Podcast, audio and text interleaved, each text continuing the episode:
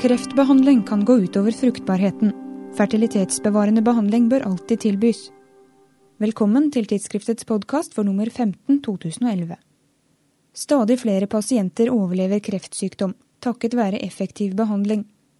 Men både kreftsykdommen i seg selv og ikke minst behandlingen kan føre til nedsatt fertilitet eller infertilitet.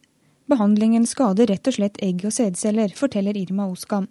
Eh, og det du ser er da eh, direkte eh, enten dårlig sædkvalitet i form av mindre konsentrasjon, endring i morfologi, men også at det finnes ikke noen sperme igjen. Eh, og også skade i eh, DNA. Og så for kvinner og jenter er det da at man eh, ser at de kommer oftest i for tidlig overgangsalder. Og det er fordi de, det første anlegget, de umodne eggene, forliknende, blir skadet. Og der gjelder det også DNA-skader, så skade av arvelig materiale.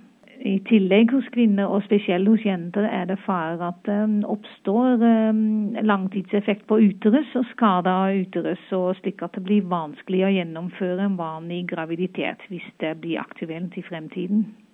I to artikler i tidsskriftet beskriver Oskam, sammen med Einar Stensvold og Henriette Magelsen, hvilke fertilitetsbevarende tiltak som finnes. Noen har vært brukt i over 20 år allerede, andre blir ansett som eksperimentelle. I Norge er det mm, for eh, guttene og unge menn er det sædnedfrysing som er vanlig.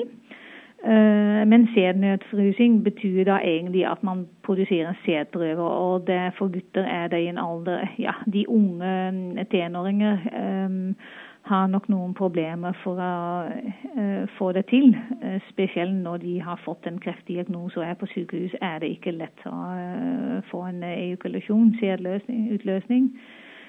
Da eventuelt er det muligheter til testikkelbiopsier og fryse ned til biopsier tatt fra testes. Men det er ikke gjort i Norge akkurat nå, selv da det er muligheter til det. Når det gjelder kvinne ehm, så er nok eh, nedfrysing av embryo en mulighet, men som blir ikke brukt fordi det egentlig eh, betyr utsettelse av eh, kreftbehandling, men også fordi det blir egentlig ikke tenkt på. Og så Det mest brukte nå når det gjelder uh, på landsbasis, er det nedfrysing av eggstokkvev som er aktuelt. Nedfrysing av egg, som jeg sa før, umone og mone egg er også mulig, men um, det blir fortsatt uh, betraktet som eksperimentelt. Og man venter egentlig til den teknikken blir tatt i bruk. Oslo universitetssykehus tilbyr som det eneste sykehuset i Norge nedfrysing av eggstokkvev. Siden metoden ble tatt i bruk i 2004, er ovarivev fra 100 pasienter kryopreservert. Men Oskam håper og tror at tallet vil øke i nærmeste fremtid. Det vi har jobbet med veldig hardt for på Rikshospitalet, og det gjelder egentlig fleste kolleger, at det blir mer uh, informasjon uh, gitt til uh, bl.a. spesialistene, onkologene og ikke minst pasientene selv også.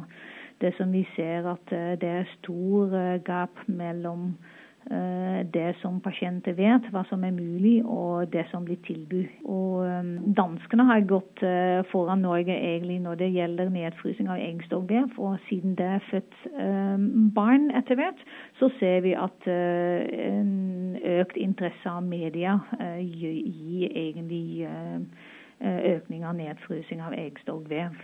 I Norge fikk 147 barn under 15 år en kreftdiagnose i 2008. En amerikansk studie viste at 45% av mennene og 20% av kvinnene var infertile etter kreftbehandling i barndommen. Men fertilitetsbevarende tiltak hos barn byr på større problemer enn hos unge voksne, også i forhold til etiske aspekter. Eh, det som er veldig viktig å tenke på, at uh, man snakker om kreft, og i oftest uh, i mange tilfeller også livstruende situasjoner. Så den etiske er at man skal aldri utsette kreftbehandlingen. Eh, men når det gjelder barn, er det enda mer vanskelig, for da er det hvilken sykdommer påvirker barna, og hvilken avgjørelse blir det tatt. Eh, skal man tenke på eh, fruktbarhet når man er i en livstruende situasjon? Men Ofte ser vi at selv da infertilitet er ikke det viktigste ved diagnose, at man forstår etter hvert at glemmer man å tenke på fertilitet, så er det oftest for seint også. Muligheten til å få barn er utvilsomt en sentral del av god livskvalitet for den helbredede barnekreftpasienten. Det skriver professor Sofie Fosså og onkolog Hanne Hamre på lederplass i tidsskriftet. De mener, i likhet med Oskam og medarbeidere, at fertilitetsbevarende tiltak bør være en del av selve kreftbehandlingen hos unge pasienter. Flere studier har vist at det å se fremover har psykologisk betydning. Som, som, jeg har oppfattet, og jeg har snakka med veldig mange pasienter i for- og etterkant, og så ser jeg at eh, de fleste oppfatter det som veldig positivt. Eller man kan egentlig si det omvendt. Når man lar være å snakke om effekter av kreftbehandling, og det gjelder da eh, ikke bare effekter på, på fertilitet, så, så får man tilbakemelding på det. Hvorfor har dere ikke meldt det? Eh, så Ikke så lenge siden så hadde vi en pasient som sa Ema, vi er utrolig takknemlige at dere har nevnt det for oss. For det, det, betyr håp. Og eh, vi vet det fra nå fra amerikanske studier og de første studier som har kommet også fra bl.a. Belgia og Danmark. at eh, når man tenker negativt og f.eks. En, en dårlig diagnose og i tillegg ikke har noen mulighet på en en verdig fremtid, så, så, er det egentlig veldig trist når man kan endre det på den måten. Du kan lese alle de tre artiklene om fertilitetsbevarende tiltak i tidsskriftet nummer 15. Der kan du også lese om levekår og forgiftninger, om anestesiforskeren som nylig ble tatt for juks, og om mødrehelse i Somalia. Jeg heter Eline Feiring og er tilbake med en ny podkast tirsdag 23. august.